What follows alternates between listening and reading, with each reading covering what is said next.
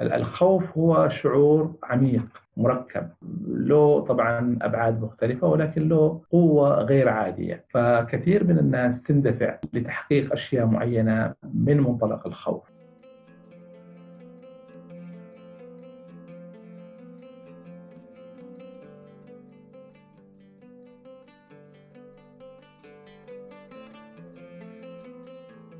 أعزائي أنتم تستمعون إلى بودكاست ماذا بعد؟ أهلا بكم. نتمنى منكم الاستمرار بمتابعتنا في جميع المنصات وتطبيقات البودكاست التي تفضلونها ومراسلتنا على البريد الإلكتروني أو على صفحاتنا في مواقع التواصل الاجتماعي الموجودة في وصف الحلقة.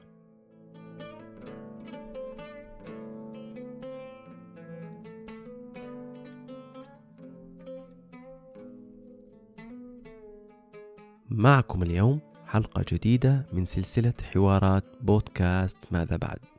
ضمن الإضافات القيمة لهذا البودكاست التي كما قلنا تتراكم فيها التجارب وقصص النجاح ومعاني تحقيق الطموح وريادة الأهداف. هي خلاصات الأفكار التي باتت أفعالا وهي نتائج القرارات التي باتت واقعا. تجيب هذه الحلقة عن تساؤلات هذا البودكاست. من وجهة نظر علم النفس وكيف يسمح لنا بمقاربة الإجابات رغم أبعادها النسبية وكيف يرى النجاح والفشل وما بينهما من منظور الفرد والآخرين والمجتمع. لماذا يمثل دافعي الخوف والحب العامل الرئيسي تجاه تصرفات وسلوك الأفراد؟ هل نواجه صراع أزلي بالفعل تجاه أفكارنا وطرق تحقيقها أم أن واقعية الرؤى تفرض علينا إدارة الأمر بشكل متباين؟ وأيضا الهجرة والسفر والرحيل كيف تنزعنا من أوطاننا وتحل بنا في فضاء لا ذكريات ولا عواطف ولا استقرار فيه. ضيفنا اليوم الدكتور محمد باعبيد أستاذ علم النفس الذي أسس أحد أهم مراكز الاندماج والتأهيل في كندا. يحكي تجربته وصراعات النفس بين الندم والشك والمتعة. نختصر معه في دقائق رحلة عشرون عاما من الهجرة والحضور والتميز وأيضا الشك والتوهان والارتباك نترككم مع هذا الحوار الذي حاولنا أن نقدم فيه كيف يمكن لنا ترتيب أولوياتنا في التعامل مع علامات الاستفهام التي تملأ حياتنا وتتوه معها أحلامنا وأهدافنا.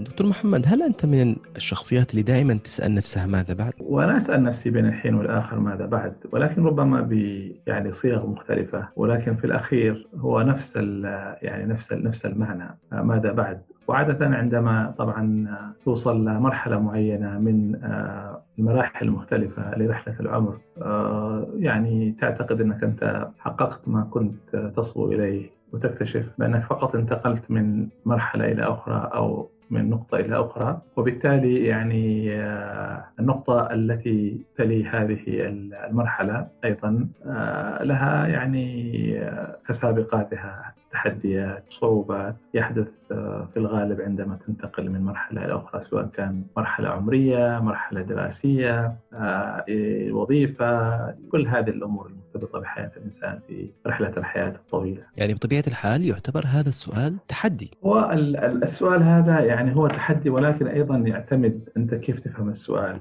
هو قد يعني ضمنا أنه أنت حققت شيء معين ولكن بعد أن حققت هذا الشيء عندما تنتقل مثلا من مرحلة الثانوية العامة إلى الجامعة هي نقطة تحول مهمة في حياتك. ولكن تسأل نفسك يعني okay وصلت الجامعة so ماذا بعد؟ يعني لربطك طبعا بالنقطة الثانية هي هي الأمل بأنك أنت تحقق يعني ستنجح في دراستك الجامعية وبالتالي تنتقل إلى الحياة العملية وإلى آخره. طيب أحيانا دكتور بعض الناس يعتقدوا أنه يسأل نفسه ماذا بعد قبل أن تنتهي المرحلة الحالية. أحيانا يعني استقراره في وظيفة محددة أو في عمل محدد أو استقراره في بلد ما وهو وهو في حالة استقرار وسكون.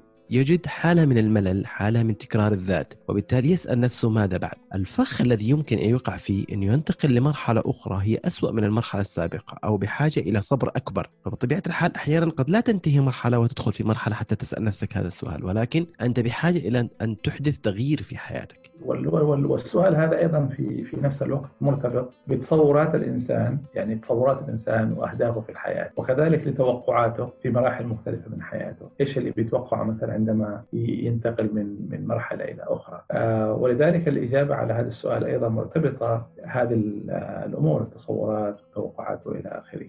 هل المجتمع دكتور يؤثر آه، المجتمع يؤثر على على قدرتك على الإجابة على هذا السؤال؟ هو شوف الموضوع دائما فيه شقين، الشق الأول يتعلق ب يعني آه، بذاتك أنت، يعني كل إنسان في داخله دوافع قوية تدفعه إلى أنه يحقق شيء معين، وهذا الشيء اللي يريد يحققه طبعا آه، بيشبع عنده حاجات معينة، وأعتقد أنه هذه هي النقطة الفاصلة اللي تميز شخص عن آخر فيما يتعلق مثلا بالإجابة على هذا السؤال.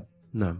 هذا الجانب الأول الشق الأول هو أنك أنت مثلا يعني ما هو الدافع الحقيقي أو ما هو الشيء اللي يشكل قوة آه، دافعة إلى أنك مثلا تنتقل من هذه النقطة إلى النقطة الأخرى آه، في أي مجال من مجالات حياتك الشخصية، وهذه بحد ذاتها عملية صعبة ومعقدة، كثير من الناس يمكن يأخذ منهم وقت طويل حتى يكتشفوا مثلا ما هو هذا الدافع بالضبط. نعم وقد أحيانا يأخذ العمر كله حتى أنت تكتشف مثلا ما هو الدافع الأساسي الذي يدفعك ما هي القوه الدافعه التي تدفعك بأنك مثلا تشعر بالحاجة الملحة والقوية لتحقيق شيء ما في حياتك. نعم. آه الدافع هذا في الغالب ممكن يكون أو الدوافع هذه ممكن مثلا تكون في الغالب آه قد يكون مثلا دافعين أساسيين. آه ممكن الدافع الأول يكون هو الخوف وهو وهو الشيء العام عند الخوف. الخوف هو شعور عميق. مركب.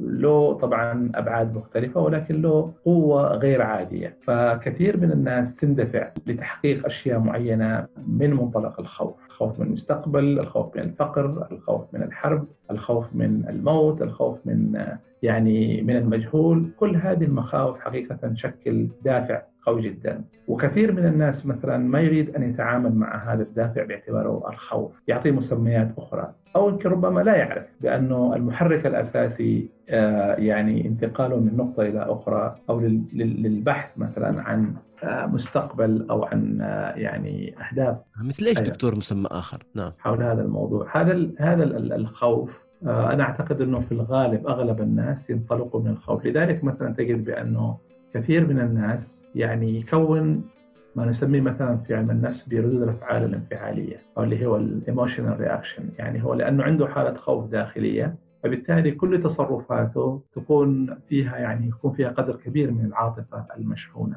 الانفعال القوي. ولذلك مثلا الناس يعني تحصل مثلا الناس ممكن تتنافس بشكل طبيعي من أجل تحقيق أهداف معينة ولكن التنافس هذا ياخذ طابع حدي. يعني قد يكون طابع عنيف سواء كان لفظي جسدي وإلى آخره. هذا التناحر اللي نحن نشاهده على مستوى العلاقات الشخصية العلاقات البينية العلاقات المجتمعية العلاقات الاجتماعية هي أساسها تقريبا هذا الخوف. آه، لذلك مثلا الإنسان لا يريد أن يظهر يظهر أمام نفسه كأنه خايف من شيء. لذلك يعطي لهذا الدافع مسميات أخرى يقول لك والله يعني أنا مظلوم. آه ولذلك أنا يعني من حقي أن أنا مثلا يعني آه، أعمل كذا. يلعب دور الضحيه أحيانا. الضحية مثلا أو إنه والله مثلا يعني العالم هذا إذا أنت مثلا ما تكون قوي ما تكون جبار ما حد بيعبرك أيضا مثلا حتى مثلا لما نتكلم نحن مثلا إنه واحد يريد يحقق مثلا آه، يعني خلص الجامعة عنده مؤهلات كويسة ويشتري وظيفة مثلا ممتازة، فبالتالي مثلا هو يشعر بأنه يعني ما بيقدر يحقق هذه الوظيفة إلا من خلال إنه يتعامل بطرق مثلا ملتوية يعني بالمعنى المباشر يبيع نفسه. آه كثير من الشباب مثلا يبحثوا عن طرق مختصرة للوصول إلى أهدافهم، يعني هذه ممكن تكون مسميات مثل الفساد والإفساد وإلى آخره. آه وأيضا البعض ممكن يختار مثلا إنه ينخرط ضمن آه، يعني أعمال إجرامية من أجل تحقيق في الأخير هذا الهدف اللي هو يعتقد إنه هدف مشروع إنه يتزوج يحصل يعمل بيت آه، كويس يكون عنده سيارة تكون حياتهم مادية فيها نوع من الرفاهية. آه ولذلك مثلا هو طبعا لا يريد ان يتعامل مع نفسه بأنه يعمل كذا لأنه هو خايف ولكن يعمل كذا لأنه إذا ما عمل كذا ما بيحقق الهدف. هذا الجزء الأول أنا لذلك قلت لك أنا يعني الإجابة على هذا السؤال بياخذنا إلى أماكن كثيرة، لكن هذا الجانب الأول اللي هو الجانب الذاتي، لأن الجانب الثاني الذاتي دائما مرتبط بالعالم الداخلي بالحالة النفسية المركبة عند الإنسان. وهي وهي طبعا مركبة ومعقدة. آه، طبعا في في في, في نفس الجانب الجانب الذاتي هو طبعا الدافع الآخر ممكن يكون الحب، الحب. أيوه. فهذا الصراع الأزلي الموجود بين دافع مبني على الحب ودافع مبني على الخوف هو اللي في الأخير ينتج آه، يعني ما نشوفه نحن على السطح من تصرفات الناس إما الحسد أو الغرور أو العنف أو إلى آخره. هذه كلها عبارة عن سلوكيات ناتجة عن دوافع داخلية إما الخوف اللي ربما يقود في الأخير إلى كل النتائج السلبية اللي نشوفها على المستوى الشخصي على المستوى المجتمعي أو على المستوى العام أو الدافع المبني على الحب واللي في الأخير نتائجه تكون في الغالب إيجابية. وتحقق طبعا في الأخير هو تحقق رضا نفسي للشخص. وحتى إذا كانت معاناة هناك معاناة لكن في الأخير الشخص يحس بأنه آه، راضي بي بي بي حتى مثلا بما يواجهه من تحديات وصعوبات. وفي الأخير هو يحقق نتائج أفضل لأنه ممكن حتى لو مثلا ما حقق النتيجة النهائية آه، فيما يتعلق مثلا بالأهداف المادية المباشرة لكن على الأقل هو يشعر بأنه في عنده سلام داخلي وأنه متماسك آه، نفسيا. وبالتالي طبعا هذا بيجعله في وضع أفضل من من الآخر اللي بيندفع دائما نتيجة للخوف. وهذا الخوف طبعا نتائجه في الغالب تكون مدمرة. الجانب الآخر طبعا ذكرت أنت المجتمع وتأثيره، آه، نحن في الأخير عندنا يعني تصور عندنا مثلا ذاتنا الحقيقيه وعندنا تصورنا لذاتنا والتصور آه، للذات قد يكون مرتبط يعني أسباب داخلية ولكن أيضا في الغالب مرتبطة بتصور الناس لي أنا. فأعتقد هذه واحدة من من العوامل اللي فعلا آه، تأثر كثير بشكل سلبي على الشباب بالذات. أيوه عائق لأن هم هم هم يخلقوا عندك صورة مثالية عن ذاتك. فبالتالي الصراع اللي بيكون صراع قوي بين مثلا ذاتك الحقيقية وذاتك المثالية إنك أنت تريد أن تكون ضمن هذا الصورة المرسومة لك. آه يعني مثلا إذا تكلمنا عن النجاح عشان أنت مثلا يعني يعترف لك أنك أنت ناجح. آه طبعا بالمقاييس المادية انه يكون أنت مثلا عندك وظيفة آه يعني فيها دخل دخل كويس. يعني أنت إيش تتوقع من نفسك؟ نعم. وما هو تصورك أنت مثلا للنجاح؟ لأنه في الأخير النجاح يجب أن يكون يجب أن يعود بالفائدة المباشرة على على الإنسان نفسه. يعني إنك أنت يجب أن تكون مرتاح نفسيا من داخلك. فهذا هو المعيار المعيار الأساسي. يعني مثلا أنت ربما وهذا مش غلط ربما مثلا واحد يقول لك يا أخي أنا أرتاح نفسيا. إذا قدرت مثلا أشتري سيارة موديل معين وبمواصفات معينة. نعم. هذا مش غلط. في الحقيقة في الأخير أنت تبدأ تشتغل على هذا الأساس ولكن تكون واعي. ما هو الثمن اللي تدفعه من أجل أن تحقق هذا الهدف؟ تمام؟ وهذا هو الفرق. لكن إذا أنت مثلا والله عندك هذا الهدف وتريد تحققه بأي ثمن فالثمن الحقيقي بيكون من ذاتك نفسك من ذاتك. يعني أنت دائما يعني عندك رصيد آه هذا الرصيد يعني بينزف أو يستنزف من خلال مثلا آه اندفاعك القوي لتحقيق هذا الهدف. انت بتأخذ هذا الشيء لتحققه. لكن بالمقابل آه، بتكون أنت قد ضحيت بكثير من سلامك الداخلي من من من من حالتك الداخلية يعني. طبعا مجتمع عنده معايير معينة للنجاح والفشل وأيضا عنده مثلا وسائل معينة آه، تقيس بها. يعني تقيسها وأيضا كمان آه، وسائل معينة مثلا الكونسيكونسز أو يعني العواقب آه، للفشل والعواقب بالنسبة للنجاح. ولذلك مثلا نجد بأنه مجتمعاتنا مع الأسف الشديد مشوهة. يعني هي لا تتعامل مع ذاتها الحقيقية بوضعها الطبيعي وتريد وتقوم بتنميته بشكل تجريبي بشكل طبيعي. ولكن تحاول تبحث عن أقصر الطرق وخاصة بالنسبة للشباب من أجل مثلا تحقيق ما يعتقد بأنه نجاح، تحقيق ما يعتقد بأنه سيوفر لك سيحقق لك السعادة، المال يعني طبعا أشياء مشروعة ولكن في الأخير أنت يمكن مثلا تحقق قدر يعني ترفع رصيدك البنكي المالي قصدي أنا ولكن عندما تريد تستخدم وتكتشف مثلا بأنك أنت منهك آه، فمثل ما يقال يعني ليس المهم الدستني اللي هو طبعا الهدف النهائي ولكن المهم هو الرحلة. يعني وأنت في الرحله رحلة الحياة رحلة طبعا طويلة ويجب أن تأخذ بعين الاعتبار كيف أنت مثلا أيضا تقدر تستمتع خلال الرحلة مش فقط تنتظر لغايه ما توصل الهدف النهائي اللي أنت تقصده.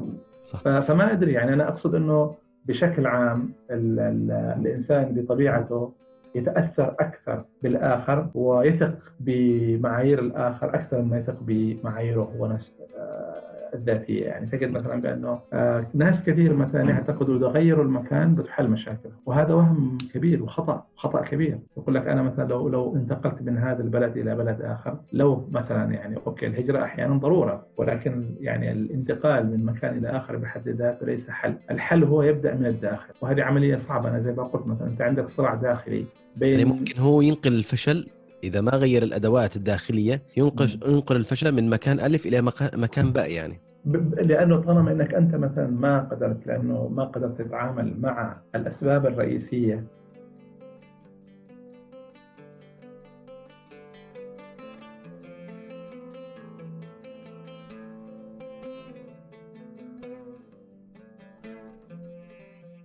طيب دكتور اسمح لي يعني إجابتك أخذتني لمج... لمكان آخر أحيانا لسؤال آخر هل في طقوس محددة أو ظرف محدد ممكن في يعني ينصح به في علم النفس يوفر للشخص إجابة يعني أقرب إلى المثالية أو في الإجابة على هذا السؤال؟ في حلقات أساسية آه، على المستوى المستوى النفسي اللي يمكن يعني يعني تشكل علامة فارقة في النتائج النهائية بالنسبة ل يعني مسار الإنسان، يعني مثلا الإنسان دائما يعيش حالة صراع وهي حالة صراع حالة صراع أزلية. لكن واحدة من ملامح الصراع النفسي أنك أنت عندما تواجه موقف سواء كان موقف آني أو موقف مثلا يعني آه، دائم أو موقف مثلا يعني آه، له علاقة مثلا بظروفك الاقتصادية والاجتماعية والسياسية وإلى آخره يعني وضع مركب معقد. ايا كانت هذه المواقف دائما أنت تكون في صراع أمام أمرين. هل آه، الهدف الأساسي والمباشر والملح والضاغط إنك أنت يعني يعني تتجاوز الألم أو يعني تخلص من الألم الناتج عن هذا الوضع السيء والصعب؟ أو إنك أنت مثلا تبحث عن يعني حلول ما تتجاوز هذا تجاوز الألم. أيوه. وفي الغالب في الغالب نحن مثلا كبشر دائما نبحث عن حلول سريعة على الأقل تخفف الألم أو على الأقل مثلا تعطينا إحنا انطباع بأنه نحن تجاوزنا هذا الألم. فلذلك مثلا كثير من الحلول هي حلول آنية بالنتيجة تضعك أنت في حلقة مفرغة. أيوة كأن نحن نعالج أنفسنا بذكاء عاطفي يعني. أنت وصلت إلى حل أنت وصلت إلى بالضبط. النتيجة أيوة. الأخيرة التي يمكن أن تحققها. لا يوجد أفضل من هذا. أيوة. بالتالي أنت تقنع نفسك حتى تستطيع أنك تتجاوز حالة الألم أو حالة الطريق المسدود بالنسبة لك. وهذا إيش اللي بيعمل مثلا من الناحية النفسية؟ من الناحية النفسية هو يوفر لك آه، مساحة تتجاوز فيها الألم الآني. ولكن الألم الآني هذا يتحول إلى يعني إلى دين عليك. ويتراكم أوه. بمعنى وش حله بعدين؟ بمعنى إنه مثلا أنت تقول والله إنه بعض الناس يقول لك والله أنا خلاص بعمل حل مثلا بخرج من هذا البلد ولا بخرج من هذا المكان فهذه مثلا واحدة من الوسائل التمويه الذاتي وأيضا واحدة من وسائل التسكين بحيث أنك أنت خلال الفترة هذه يعني كأنك جمدت الآن تقول لا أنا وضعي تمام أول ما تجينا له أوراق بخرج بتجاوز الأمور هذه كلها. خلال الفترة هذه ما تعمل أي شيء. آه هذه طبعا يعني واحدة من الاليات اللي تستخدم في الغالب من أجل آه خداع الذات ومن أجل أيضا إنك أنت تتجنب الألم لأنه ما في نمو بدون ألم. أحيانا دكتور يكون أمر واقع. ما امامك حل ثاني غير إنك تخدع ذاتك بهذا الشكل. اذا إذا اتفقنا على مصطلح تخدع ذاتك يعني. هو هو كل شيء كل شيء مبرر والله مبرر. دكتور آه وانت الآن تكلمني أنا لف على مستوى الشخصي لف في ذهني عدة قصص أنا اقع فيها بنفس بنفس حالة كلنا كلنا. وأنا أتكلم معك الآن أيضا أتصور أشياء كثيرة. أنا أتكلم الآن إنه أنت كل شيء مبرر طالما إنه أنت تضع ضمن رؤية معينة. يعني مثلا أنت تقول أوكي تمام أنا في المرحلة هذه الألم هذا ما أقدر أتحمله لأنه عندي مثلا التزامات أساسية أكل شرب سكن إعادة أسرة وإلى آخره ما أقدر أعملها. طبعا هذا الشيء طبعا صعب جدا لكن أنا مثلا ما أقول مقابل إنه واحد مثلا بيعطينا يعني مصروف يومي أنا خلاص بغلق الباب على مشاريع المستقبليه نعم. الفكرة هي كلها عبارة عن حوار داخلي أنت تبنيه على معطيات قوية معطيات صحيحة. يعني أنا أنا أقول لك الكلام هذا وأنا نفسي أمر بنفس التجربة يعني ما فيش مثلا إنسان يعني ما عنديش مثلا يعني هذا مش شيء خطأ يعني هذا شيء لا لا لا لا هي هي أنا أقصد إنه مثلا نحن نتكلم الآن إنه إنه أنت كيف تتعامل مثلا مع خيارات في الاخير هي خيارات. صحيح. يعني أنت ممكن تقول مثلا والله أنا في الوقت الحاضر ما بقدر أعمل أكثر من كذا ولكن أنا عندي أهداف عندي مثلا يعني آه يعني خطط ل آه يعني بناء جسر يوصلنا إلى الضفه الأخرى. ولكن في المرحلة هذه في اللحظة هذه أنا أحتاج لي إن أنا فقط مثلا يعني أساعد نفسي ماديا مثلا. ممكن أشتغل أي شغل. الالم من أجل تخفيف الضرر.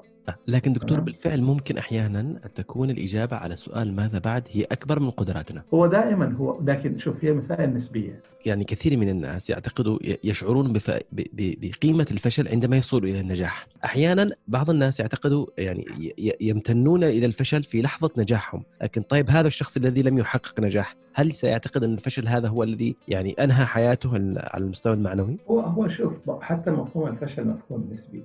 لما أقول نسبي معناه مثلا أنت يعني أنت كشخص مثلا كمحمد أبو بكر كيف تقدر الفشل؟ كيف تقدر النجاح؟ يعني مثلا لو أنت افترضنا يعني فشلت في الدراسة الثانوية العامة، قد مثلا بعض يعتقد ان هذه نهاية الدنيا، لأنه المجتمع عنده تصور معين بأنه بداية النجاح آه، بداية النجاح هي الثانوية العامة. الثانوية العامة كمثال يعني. نعم كمثال نعم. تمام؟ وهذا طبعا مثال شائع في في مجتمعاتنا في شباب ينتحروا. صحيح. لذلك مثلا أعود وأقول إنه أنت مفهومك للفشل والنجاح أيضا مفهوم آه، مرتبط بتصوراتك في الحياة، هل أنت تختزل حياتك كلها في آه، جانب معين من حياتك وبالتالي تبني عليه استنتاجاتك؟ يعني مثلا في ناس يعني النجاح والفشل مرتبط مثلا بمستوى بالتعليم فقط، في ناس مرتبط مثلا النجاح والفشل بنوع الوظيفة، في ناس مثلا مرتبط عندهم بالزواج، إنه كل واحد مننا كل واحد مننا نسبيا يفشل في يعني سواء كان في مجالات معينة أو في مراحل مختلفة من حياته. طيب ولكن هو كيف تنظر أنت لهذا الفشل؟ هو صحيح. هو اللي هو اللي طبعا يحدد آه، تأثير الفشل عليه صحيح. دكتور آه، اسمح لنا نأخذك آه، ونأخذ يعني المستمعين معنا على إسقاط نفسي لشخصية الدكتور محمد بعبيد. حتى يعني يستفيد بعض الناس من بعض التجارب يعني. ولو أن سؤالي الذي سأسأله الآن هو يعني اتفقنا على أنه نسبي ولكن هل أنت على المستوى الشخصي والمستوى المهني والمستوى العائلي تعتبر نفسك ممن يوفق في الإجابة على سؤال ماذا بعد؟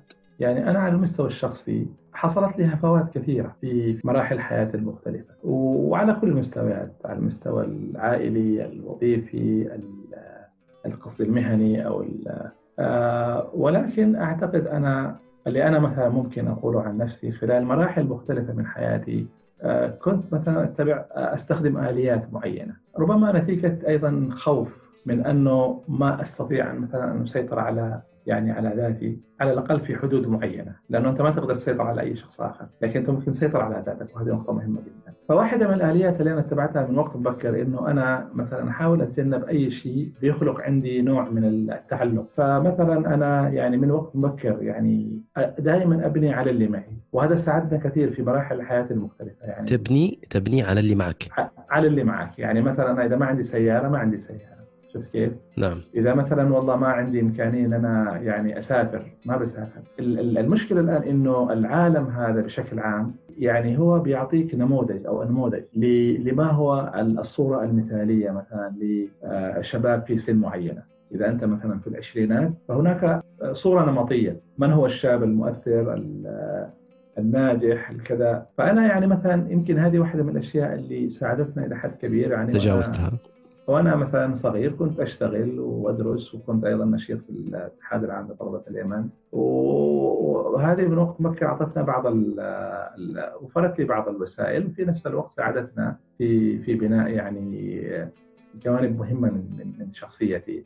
والمحيط تظل إلى حد ما عندك نوع من الثبات. يعني أنا أعتقد إنه يعني حتى مثلا لما أتكلم عن ويبدو أن هذه هي النقطة الأهم في الإجابة على سؤال ماذا بعد. أنه أنت تستطيع أنك تكون عندك نقطة أن تكون في حالة ثبات آه، قبل وأثناء وبعد الإجابة على هذا السؤال. لأنه مهم جدا وهي وهي مثلا أيضا يعني هي قضية في الأخير.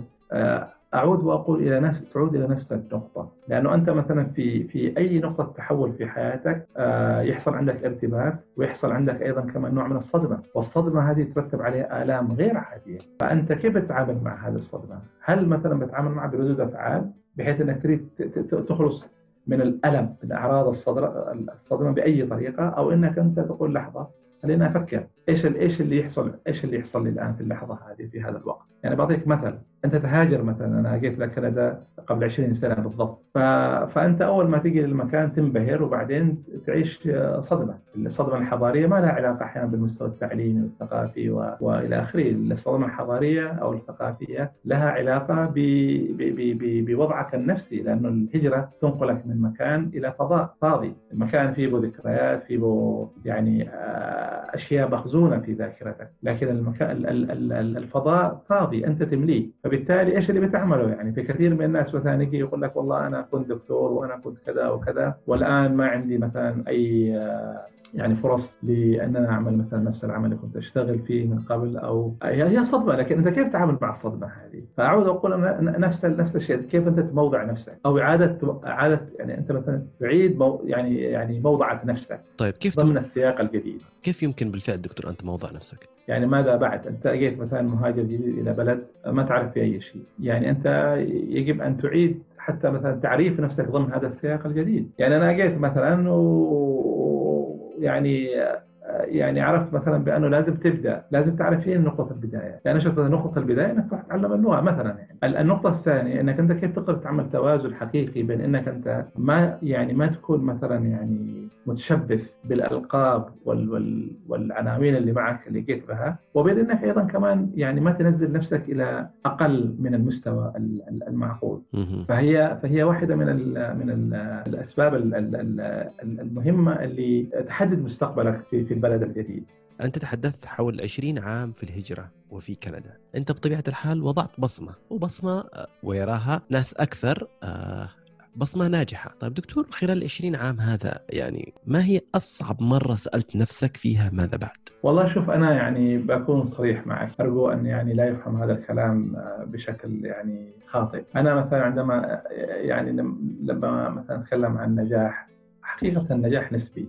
يعني يعني أنا بالنسبة لي أحيانا هذا هذا الموضوع إلى حد إلى حد ما يعمل لي ارباك لأنه يعني أنت مثلا لما تختلي بنفسك وتشوف بعد 20 سنة إيش اللي حققته طبعا يظهر عندك تظهر عندك الصورة متكاملة. يعني إيش الإخفاقات وإيش ال يعني ال يعني اللي خسرته وإيش اللي كسبته. أنا زي ما ذكرت لك من البداية أنا إنسان إلى حد ما واقعي. يعني عندما مثلا أتخذ قرار أفكر كثير ولكن عندما أتخذ القرار أتحمل تبعات القرار بكل يعني آه، مجال بكل بكل نتائجه بكل ابعاد بكل مجالاته. تحمل نتائج القرار السلبي آه، سلبياته وإيجابياته. آه. فأنا مثلا عندما أتذكر فمثلا هي ال 20 سنه بالنسبة لي محصله فيها فيها كل شيء، فيها لحظات ندم ما بكذب عليك، فيها لحظات شك، وفيها أيضا لحظات بصراحة أسميها متعة، فإذا عدت أنا مثلا إلى البداية من الصعب جدا إن الواحد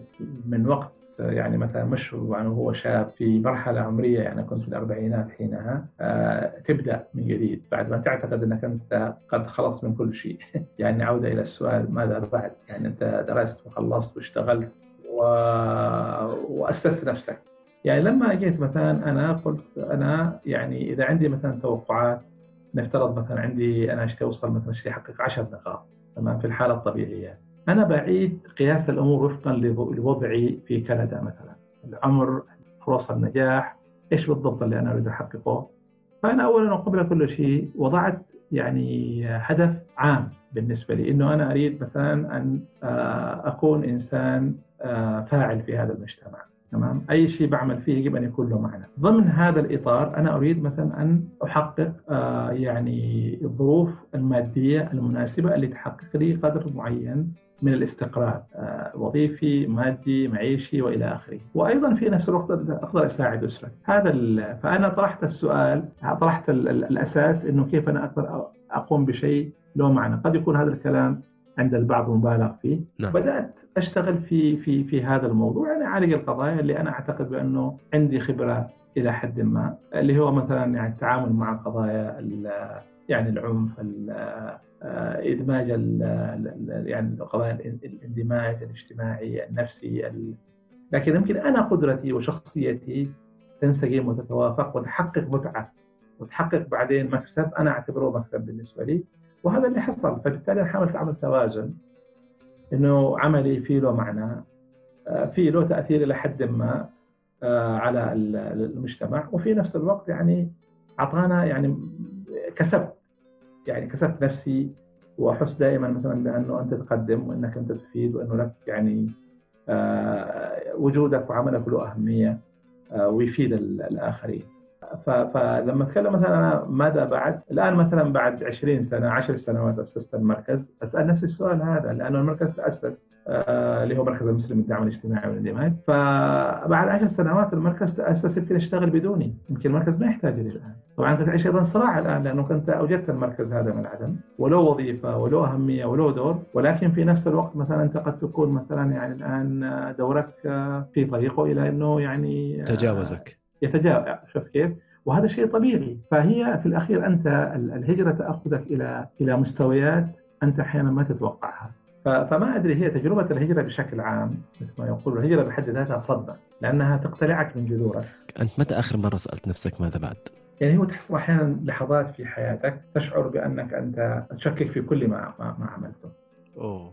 وهذه نقطة مهمة أنا أقول أقول لك بكل صراحة تحدث هذه الحالات فتسأل نفسك تقول طيب ماذا بعد؟ يعني مثلا أنا لما جيت هنا أسست كل آه، نشاطي على أساس أنه أنا يكون لي دور في المستقبل بعمل شيء يعني له معنى. أنا أعتقد على هذا المستوى حققت نجاحات. إذا مثلا تتكلم عن نجاح أنا حققت نجاحات بمعنى أنه في شيء تأسس من العدم وله تأثير. لكن إيش استفاد محمد شخصيا من هذا على المستوى الشخصي؟ قصدي إذا تأخذ المسألة من ناحية مادية محدودة. فعندما أنت تكون مثلا تمر بظروف صعبة أحيانا تسأل نفسك السؤال هذا.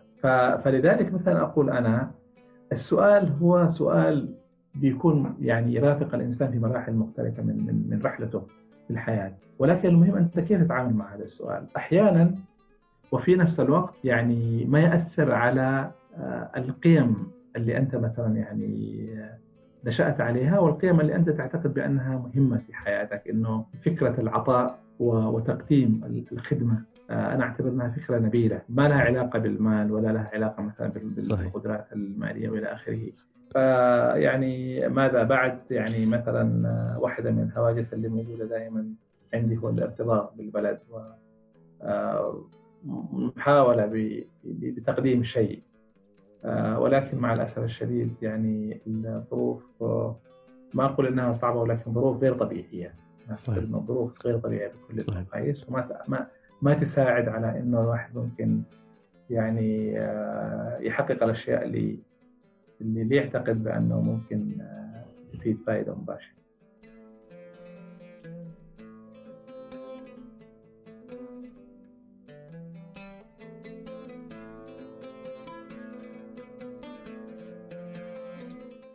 وفي الختام ما عاد يمكننا أن نضيف شيء في خاتمة حوارنا هذا سوى أن ضيفنا الدكتور محمد باع عبيد ظل يراوده حنين نفسه للعودة للوطن وخدمته والإسهام في بنائه. لكن ليس كل ما يتمناه المرء يدركه.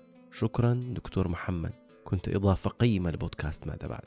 في الختام ممنون للدقائق التي منحتوها لبودكاستنا هذا. ولا تنسوا الاشتراك ومشاركة رابط الحلقة. في صفحاتكم ومع من تحبون. كان معكم أبو بكر من بودكاست ماذا بعد؟ دمتم في خير.